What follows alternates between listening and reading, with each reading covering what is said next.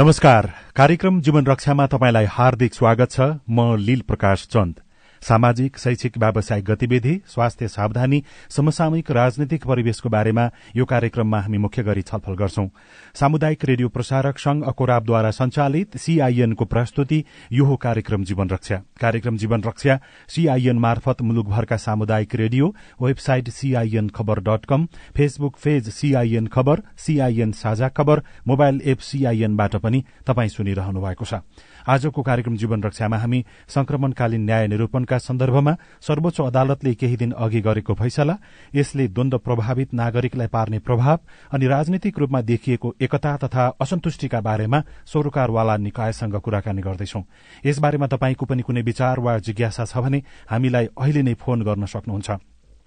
हामीलाई शून्य एक बान्न साठी छ सय एकसठीमा अहिले नै फोन गर्नुहोला। तपाईँले कार्यक्रम जीवन रक्षा हाम्रो फेसबुक पेज सीआईएन खबरबाट सुन्दै हुनुहुन्छ भने त्यहाँ कमेन्ट गर्नुभयो भने पनि हामी तपाईँका जिज्ञासा सम्बोधनको प्रयास गर्नेछौ। प्रधानमन्त्री तथा नेकपा माओवादी केन्द्रका अध्यक्ष पुष्पकमल दाहाल प्रचण्ड विरूद्ध रिट दर्ता गर्नु भनी केही दिन अघि सर्वोच्च अदालतले आदेश दिएको थियो। आदेशको व्याख्या हिजो मात्रै सार्वजनिक भयो। संयुक्त इजलासले गरेको आदेशमा सशस्त्र द्वन्द्वकालमा भएका गम्भीर मानव अधिकार उल्लंघनका घटनालाई विभिन्न कारण देखाई अनन्तकालसम्म अल्झाई राख्न नमिल्ने व्याख्या गरिएको छ। शान्ति सम्झौता नेपालको संविधान यस अदालतबाट भएको फैसला तथा अन्तर्राष्ट्रिय कानून र सिद्धान्त बमोजिम पीड़ितहरूले सत्य तथ्य जानकारी पाउने तथा न्याय र परिपूरण गराउने पाउने विषयहरू विभिन्न कारण देखाई यस्ता मुद्दा अनन्तकालसम्म अल्झाइराख्न नमिल्ने व्याख्या गरिएपछि अबको परिदृश्य कस्तो होला? यसबारेमा कुराकानीका लागि हामीसँग विशेष अदालतका पूर्व अध्यक्ष गौरी बहादुर कार्की अहिले हामीसँग टेलिफोन सम्पर्कमा हुनुहुन्छ। कार्कीज्यू यहाँलाई स्वागत छ कार्यक्रम जीवन रक्षामा। धन्यवाद नमस्कार। यो सर्वोच्च अदालतले जुन आदेश दियो माओवादी केन्द्रका अध्यक्ष तथा प्रधानमन्त्री प्रचण्डको विरूद्धमा रिट दर्ता गर्नबाट नरोक्नु भनेर। यस अगाडि सर्वोच्च आफैले रोक्यो दरफिट गर्यो र पछि फेरि पनि त्यसलाई अगाडि बढाउनु भन्ने आदेश दियो। यो अब त्यही अदालतले त्यो दरफिट गरिदिने फेरि यसलाई अगाडि बढाउनु भन्ने कुरा यो किन यस्तो हुन्छ यो न्यायिक प्रणालीमा? होइन यो न्यायिक प्रक्रियामा के हुन्छ भने नि अदालतमा अब निवेदनहरू जान्छ। जाँदाखेरि चाहिँ नि अदालतको प्रशासन प्रशासन भनेको चाहिँ नि न्याय निरूपण गर्ने अङ्ग होइन कि त्यो अदालत प्रशासनले हेर्ने रजिस्ट्रार भन्छन् होइन। उहाँहरूले चाहिँ नि अब यो राजनीतिक विषयमा बोलेको कुरालाई चाहिँ नि मुद्दाको रूपमा चाहिँ आउन मिल्दैन भन्ने हिसाबले दरपिठ भन्छ दरपिठ भनेर चाहिँ दर्ता गर्न नमिल्ने भनेर भनिदिनु भयो त्यो उपरमा चाहिँ नि अनि इजलास चाहिँ फेरि निवेदन दिन सकिन्छ कि। यो चाहिँ आदेश गरे मिलेन यो यो कारणले चाहिँ यो दर्ता हुनुपर्छ भनेर निवेदन गर्न मिल्छ। त्यही क्रममा निवेदनमा फेरि उहाँहरू निवेदकहरू चाहिँ नि जानुभयो। गइसकेपछि चाहिँ यो चाहिँ नि दर्ता गर्न नमिल्ने भन्ने कुरो चाहिँ यो त्रुटिपूर्ण छ दर्ता गरिदिनु। भनेर चाहिँ त्यो कारण खुलाएर आदेश गरेको छ कि? अब यो आदेश पछि अहिले तरङ्गित छ नेपाली राजनीति नेपाली समाज पनि भनौँ न। राजनीतिक दलहरूले माओवादीका पूर्व घटक अहिलेका घटकका नेताहरूले त सार्वजनिक रूपमै यो गर्न मिल्दैन भनेर अब विज्ञप्तिबाजीदेखि लिएर सार्वजनिक सभा र समारोह गरेर अभिव्यक्तिहरू आइसक्यो। अब द्वन्द प्रभावित नागरिकमा सर्वोच्चको त्यो आदेशले केही न केही अपेक्षा आशा पलाएको होला न्याय पाइन्छ भन्ने ढंगबाट यो दुइटै थरी विचारलाई सर्वोच्चले मनन गर्दै अगाडि बढ्छ कि अथवा सर्वोच्चले प्रक्रिया शुरू गर्यो भने त्यो एउटा निष्कर्षमा पुगिसक्छ बीचमा बाधा अडचन कतै कसैको भाषणबाजी अथवा कसैको विगतिले यसमा प्रभाव पार्दैन भन्ने हो कि।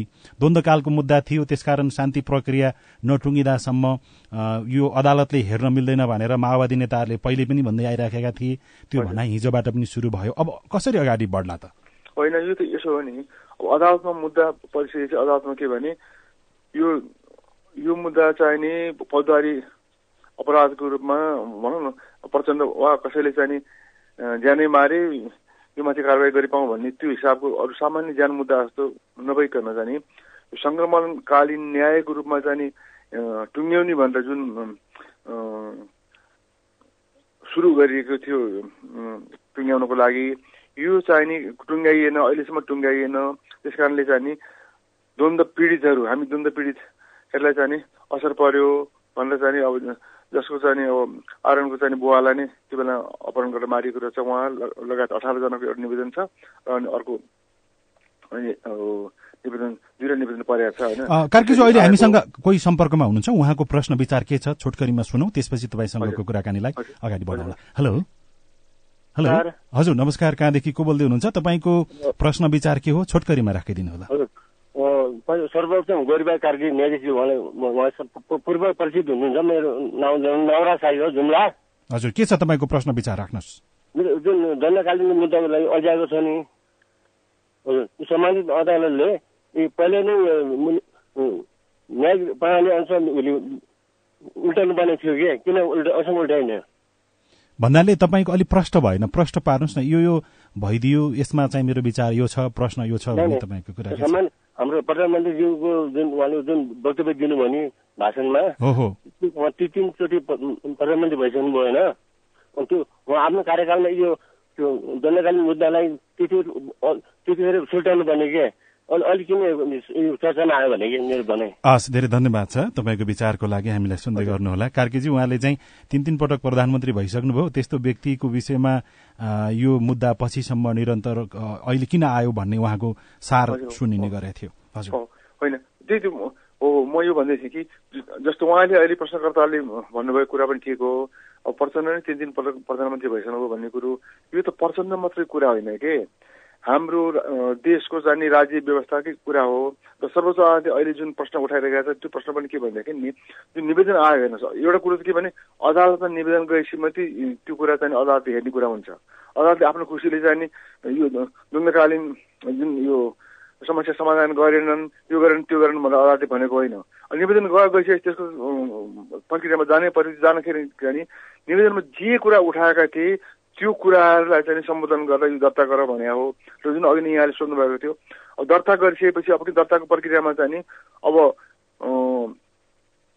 मुद्दा दर्ता भइसकेपछि अब मुद्दामा जो जो विपक्षी बनाएको थियो त्यो विपक्षीहरूलाई चाहिँ के हो? उहाँले भनेको चाहिँ निवेदकले भनेको कुरा चाहिँ के हो? र जवाब देऊ यो चाहिँ मुद्दा चाहिँ दर्ता गरेर अगाडि जानु पर्ने पर्ने हो कि होइन भनेर सोधिन्छ। त्यो सोधेपछि जवाफ आउँछ। जवाफ आइसकेपछि त्यही क्रममा जान्छ हेर्नुहोस्। अहिले नै चाहिँ प्रचण्डलाई अथवा चाहिँ त्यो त्यो बेलामा चाहिँ द्वन्द पीडितहरूलाई चाहिँ मार्ने हत्या गर्नेहरूलाई चाहिँ पक्राउ गरेर तुरन्तै कारवाही गर्ने कुरा होइन कि? भनेको अहिले अहिले त्यो त्यो मुद्दा दर्ता हुने बित्तिकै सबै ज जसले त्यो विषयमा अभिव्यक्ति दिए अथवा जसको त्यसमा संलग्नता थियो उनीहरूलाई तत्काल समातेर अगाडि बढाउने भन्ने त्यो होइन। अहिले बाहिर जुन चर्चा भइरहेको यहाँ त के भनेदेखि नि अब आफूले मान्छे मारेको छु मान्छे मारेको अब प्रधानमन्त्रीले नै अहिलेका प्रधानमन्त्रीले नै पाँच हजारको जिम्मा लिएको। र त्यसमा संलग्न त अब धेरै छन् नि त। उनीहरूलाई त अहिले नै म हामीलाई पक्राउ गरेर अहिले छुन्छ भने जस्तो हिसाबले चाहिँ अब वक्तव्य आइरहेको छ। र त्यो वक्तव्य पनि एक हिसाबले भन्यो भने सर्वोच्च अदालतलाई र यो न्याय न्याय प्रक्रियालाई नै धम्की दिने हिसाबले चाहिँ नि वक्तव्यहरू आइरहेको छ। त्यो कुरो चाहिँ होइन उहाँहरूलाई चाहिँ अब त्यो सन्तास डर चाहिँ बढी भयो क्या हिजो हिजो मात्रै नौ दलका नेताहरूको बैठकले सर्वोच्चको फैसला बमोजिम संसदको चालु अधिवेशनबाटै कानून बनाउन र सत्य निरूपण तथा मेलमिलाप आयोग र बेपत्ता पारिएका व्यक्तिको छानबिन सम्बन्धी आयोग गठन गर्ने सत्तारूढ दलबाट त्यो निर्णय भयो। अब दुईटा आयोग त यस अगाडि पनि गठन नभएका होइनन्। कार्यकाल लम्बिँदै लम्बिँदै आयो होइन? आयोग गठन हुने तर आयोगलाई काम गर्न नदिएको प्रभावित पारेको भनेर पनि आइरहेको छ। अब यो दलहरूको बैठकले यो जुन अहिले यो प्रधानमन्त्री समेत रहनुभएका माओवादी केन्द्रका अध्यक्ष प्रचण्ड विरुद्धको मुद्दा अगाडि बढाउनु भन्ने विषयमा चाहिँ केही केही यसलाई पनि एउटा सन्दर्भ सामग्रीको रूपमा सर्वोच्चले लिएर प्रक्रिया चाँडो टुङ्ग्याउने होला अथवा जुन कानुनी प्रक्रियामा नलैजाने कुरा होला यसमा कहीँ न कहीँ प्रभाव पार्छ कि पार्दैन? होइन त्यो त यसो हेर्नुहोस् के भने नि अब आफू उप यो जुन के अरे एफआइआर भन्छ क्या त्यो जारी दर्ता गरेर कारवाही गर भन्ने जुन अदालतले चाहिँ आदेश गर्यो नि त्यो आदेश अहिले नै त्यो काम सुरु होइन। मैले भने नि अब त्यहाँ त के भने दुवै पक्षको जवाफ लिएर जवाफ हेरेर हेर्छेपछि बिस्तारै क्रममा जाने हो। मुख्य अहिले डर के हो भनेदेखि सोह्र वर्षसम्म हेर्नुहोस् अदालतको आदेश पनि त्यही छ।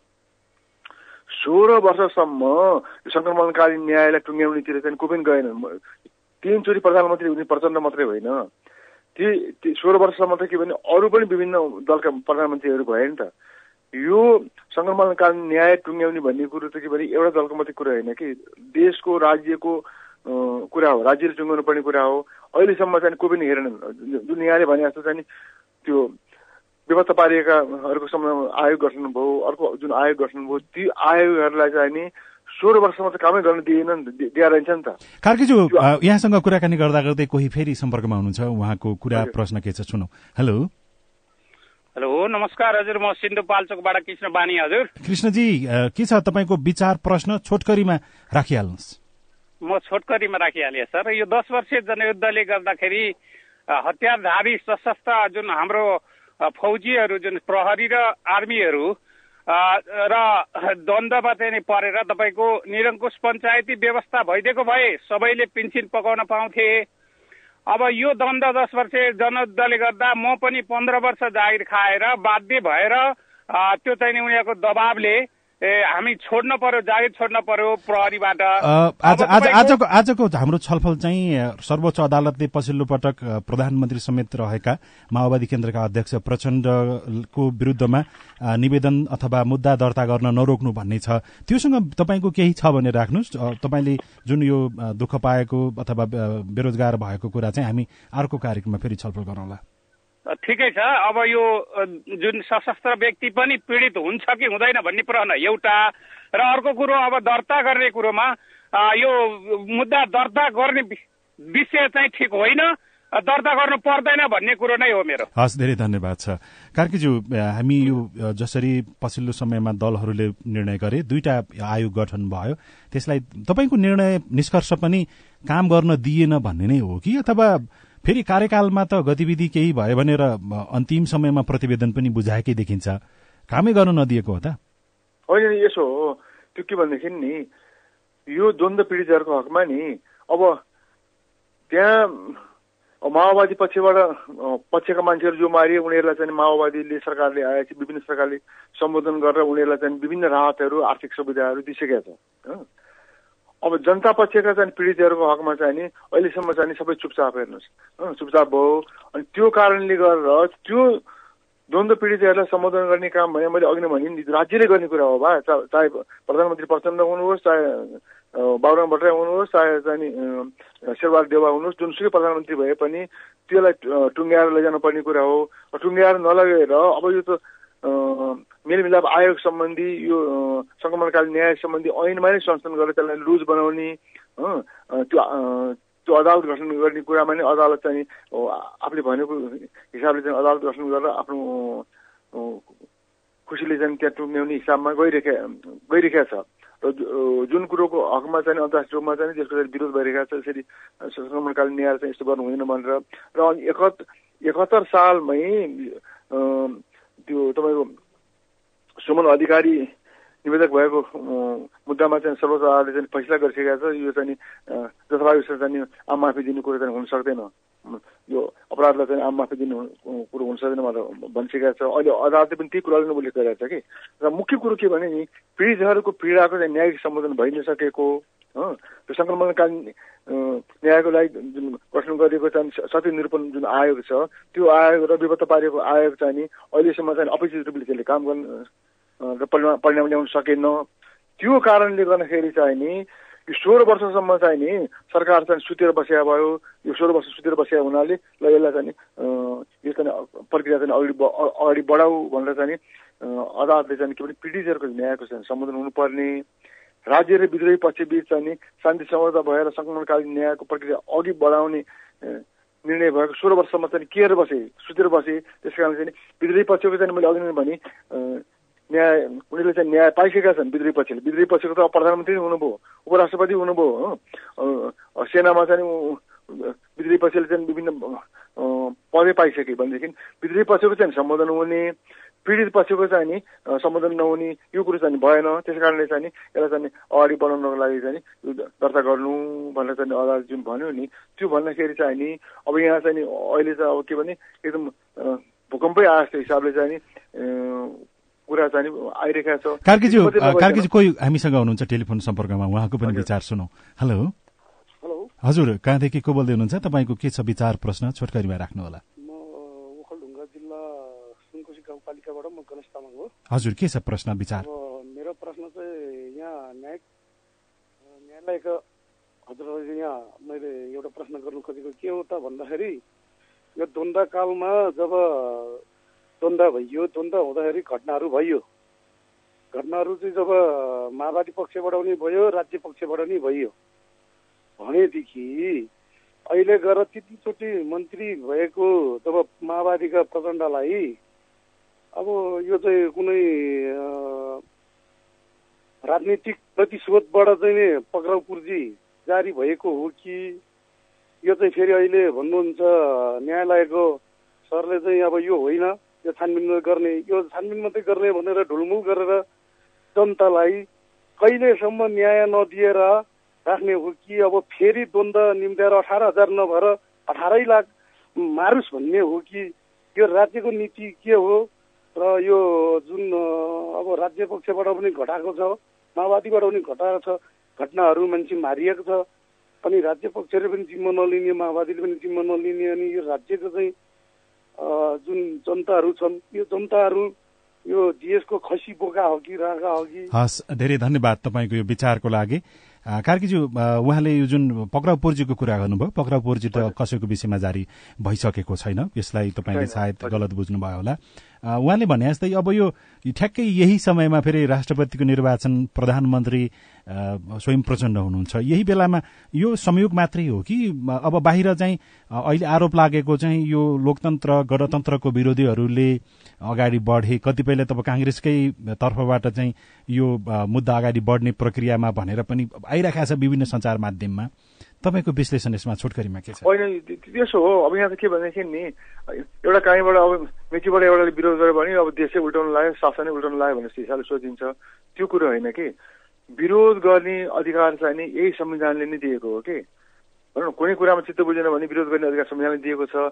तर विरोध गर्दाखेरि चाहिँ नि कानुन विपरीत अपराधिक हिसाबले चाहिँ कसरी काम कारवाही गर्यो भने त्यसलाई चाहिँ अपराधिक हिसाबले काम कार्य गरेर मुद्दा लगाउने कुरो चाहिँ सरकारले राज्य पछाडि गर्छ गर्नुपर्छ। कार्कीज्यू अब जस्तो अब यदि यो प्रक्रियामा गयो मानौ न भोलि सर्वोच्चले यसलाई सुनवाई प्रक्रियामा अथवा लग्यो भने तपाईँ सम्भावित दृश्य के देख्नुहुन्छ? यो अब दुइटै आयोगलाई काम गर्नु भनेर उतातिर निर्देशन दिएला कि सर्वोच्चले अथवा कसरी यसको यसको जुन विषय उठान भयो नि यसको अवतरण कसरी हुन्छ? होइन मुख्य कुरो के भने नि अहिले आएर जुन यहाँले भन्नुभयो प्रधानमन्त्री प्रचण्ड भइसकेपछि राष्ट्रपति भइसकेपछि अहिले जुन कुरा आयो नि यो निवेदन त के भने तिन वर्ष अगाडि मैले पाँच हजारको जिम्मा लिन्छु त्यो बाह्र हजारको चाहिँ राज्यले जिम्मा लिनुपर्छ भन्ने जुन कुरा बोल्नुभएको थियो त्यो बोलेको चाहिँ तिन वर्षसम्म केही पनि भएन। नभइसकेपछि अनि चाहिँ अनि कार्तिकमा यो निवेदन पर्या हो। कार्तिकमा निवेदन पर्दाखेरि अहिलेको सरकार आएको पनि छैन भनौँ प्रचण्ड प्रधानमन्त्री हुनुभएको पनि छैन किन छैन नि? त्यो बेला निवेदन पर्यो। त्यो निवेदन पर्दाखेरि तत्काल चाहिँ नि निवेदन दर्ता नभएको हुनाले अनि दर्ताको प्रक्रियामा जाँदाखेरि अहिले आएर अनि इजलासमा पेश भइसकेपछि आदेश भएको हो। त्यस कारण यो चाहिँ नि प्रधानमन्त्री प्रचण्ड भइसकेपछि प्रधानमन्त्री प्रचण्डलाई असर पार्नलाई अथवा चाहिँ राष्ट्रपतिको चुनावलाई असर पार्न आदि आदि आदि कुरा के पनि होइन कि?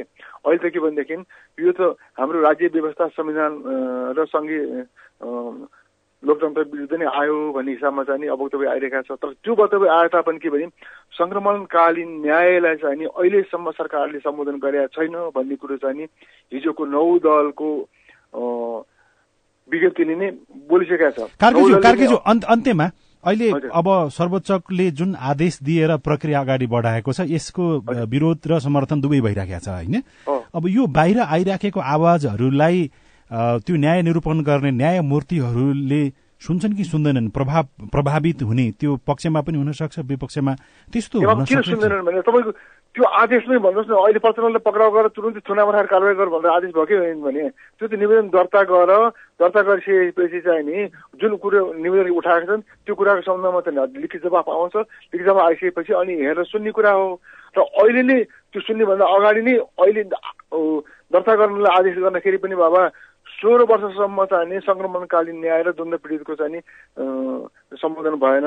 त्यो नभएको हुनाले चाहिँ नि उनीहरूको सम्बोधन हुने कुरामा जुन आयोगहरू जुन गठन गरे भइरहेका थिए ती आयोगहरू नै कुनै काम गरेनन्। त्यो काम नगरे हुनाले यो चाहिँ अगाडि बढाऊ भन्ने हिसाबमा भएको हो। होइन मैले भन्न खोजेको बाहिरको विरोधको आवाज ठुलो हुँदैमा अथवा समर्थनको आवाज ठुलो हुँदैमा न्याय क्षेत्र प्रभावित हुन्छ कि हुँदैन? किनभने यहाँ त जसको ठुलो स्वर उसैको पछि पछि हुने भन्ने त्यो एउटा परिपाटी भयो नि त। केही प्रभावित हुँदैन। न्याय क्षेत्रले चाहिँ जो अब विपक्षीहरूलाई जसलाई जसलाई विपक्षी बनाएको छ। नेपाल सरकार लगायतलाई उनीहरूले जवाफ दिन्छन्। जवाब दिइसकेपछि हामी अब यसै यो सम्बन्ध यो जुन सोह्र वर्ष सम्बोधन नभएको कुरालाई हामी सम्बोधन गर्छौँ भन्ने जुन भन्छ नि मान्छे त्यो आधारमा जान्छ। र त्यो कुरालाई त बाबा अब चाहिँ नि सङ्गमकालीन न्याय सम्बन्धी मेलमिलाप आयोग सम्बन्धी त फेरि अझ के अरे ऐन अर्को बनाउने भनेर त नौ दलले नै। भनिसक्यो नि कमजोर जस्तो भन्ने कुरो भन्यो नि त्यस कारणले चाहिँ नि त्यस कुनै डराउनु पर्ने आँच्नु पर्ने कुरो छैन र माओवादीहरूले अहिले सबैलाई लट हुन्छ पुलिसले भन्ने कुरो पनि छैन त्यस कारण डराउनु पर्ने कुरो छैन। तर के भने जनतालाई धम्की दिन चाहिँ भएन राजनीतिक पार्टीहरूले। धेरै धन्यवाद छ कार्कीजी यहाँलाई। समयको लागि कुराकानीको लागि। विशेष अदालतका पूर्व अध्यक्ष गौरी बहादुर कार्की हुनुहुन्थ्यो। अब हामी यसलाई द्वन्द निरूपणको सिद्धान्तसँग लगेर जोड्दैछौ। हामीसँग एकजना द्वन्द्ववेद विष्णुराज उप्रेती हामीसँग सम्पर्कमा हुनुहुन्छ। उप्रेतीजी यहाँलाई स्वागत छ कार्यक्रम जीवन रक्षामा। धन्यवाद। अब यो जुन दुईवटा आयोग हामीसँग पहिल्यै थिए ती आयोगलाई फेरि बिउताउँछौ। हामी शान्ति प्रक्रियाका बाँकी काम पूरा गर्छौं भनेर गैरातीको नौदलको बैठकले निर्णय गरेको छ। अब यो अहिले सत्र वर्ष जसरी बित्यो बाँकी वर्षहरू केही उपलब्धिमूलक होलान् कि कस्तो होला त आयोगहरूको? त्यहीँबाट अगाडि बढौँ। यहाँ सुन्नु मलाई लागेको के हो भने एउटा काहीँ एउटा घटना विशेष आउँछ अनि फेरि सबै जम्मा भए यस्तै निर्णय गरे फेरि अर्को घटना आउँछ यस्तै भयो निर्णय गरे लामाजीलाई लन बेलायतमा पक्राउ गर्यो यस्तै हल्ला खल्ला गरे बेला बेलामा यस्तो बाटो यो समस्याको समाधान हुने नै होइन। हामीले यो द्वन्द्व व्यवस्थामा के भन्छौँ भने structural causes of the conflict भन्छ क्या। आधारभूत समस्या यसको कहाँ हो? त्यहाँ गएर निराकरण नगरिकन पात पहेँला भयो भनेर पात टिपेर त्यो रुख स्वच्छ हुँदैन।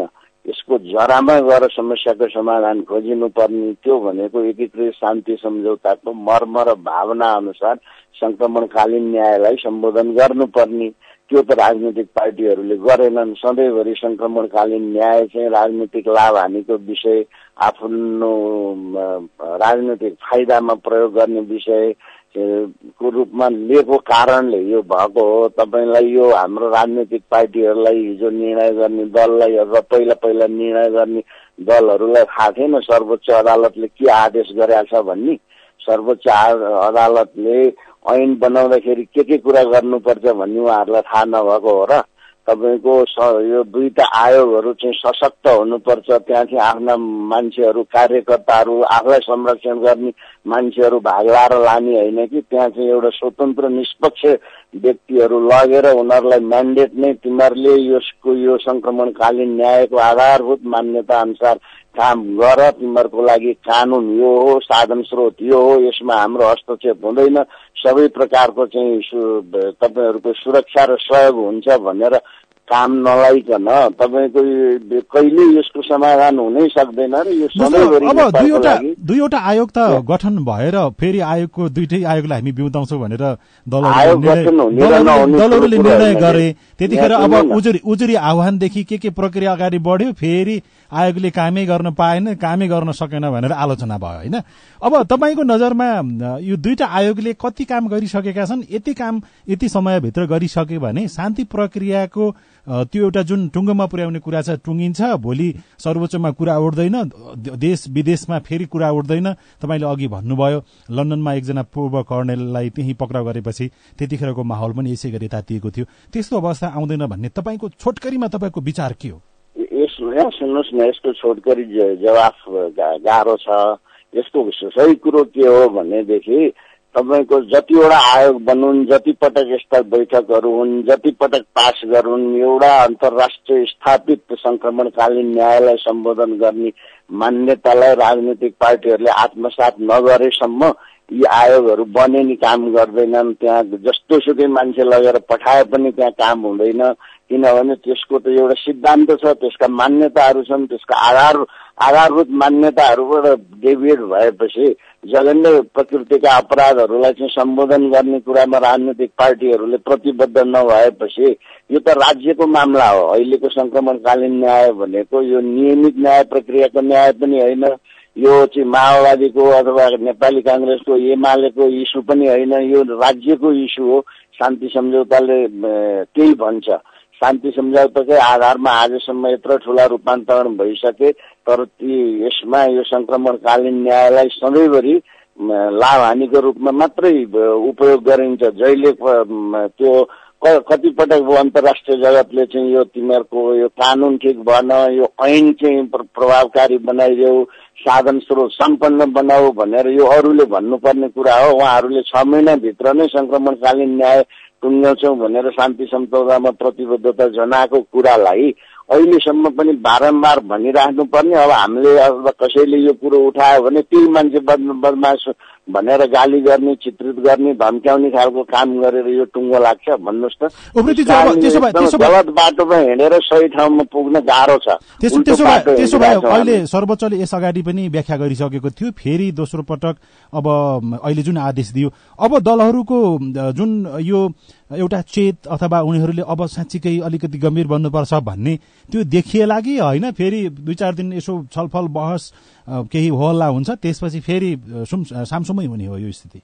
हुने यही हो। तपाईँले पछि जे भन्नुभयो त्यही हो। यस्तो योभन्दा ठुलो आदेश सर्वोच्चले पहिला पनि ऐन नै सुधार भनेर पनि दिएकै हो। न संसदले त्यसलाई सिरियसली लियो न पार्टीहरूले लिए न सरकारले लियो। अब अहिले पनि यो एउटा केस आयो। एकछिन हल्लाखल्ला हुन्छ। अब त्यसपछि यस्तै केही हिंसात्मक गतिविधिहरू होलान् के होलान् क्रिया प्रतिक्रिया होलान् यो सकिन्छ। फेरि अर्को पटक आउँछ। यही हुन्छ। लामाजीको केस आउँदा यस्तै भएको थियो। त्यस कारणले यसमा यसलाई राजनीतिक पार्टीहरूले आजसम्म सशस्त्र द्वन्द्वहरूको समाधानको यो सत्य यो सङ्क्रमणकालीन न्याय चाहिँ एउटा महत्वपूर्ण पाटो हो कि द्वन्द्व समाधानको लागि त्यो सम्बोधन गरिनुपर्छ। कति मान्छेहरूमाथि परेको जघन्य अपराध अन्यायहरूमाथि छानबिन हुने कुरा त सुनिश्चित हुनु पर्यो नि।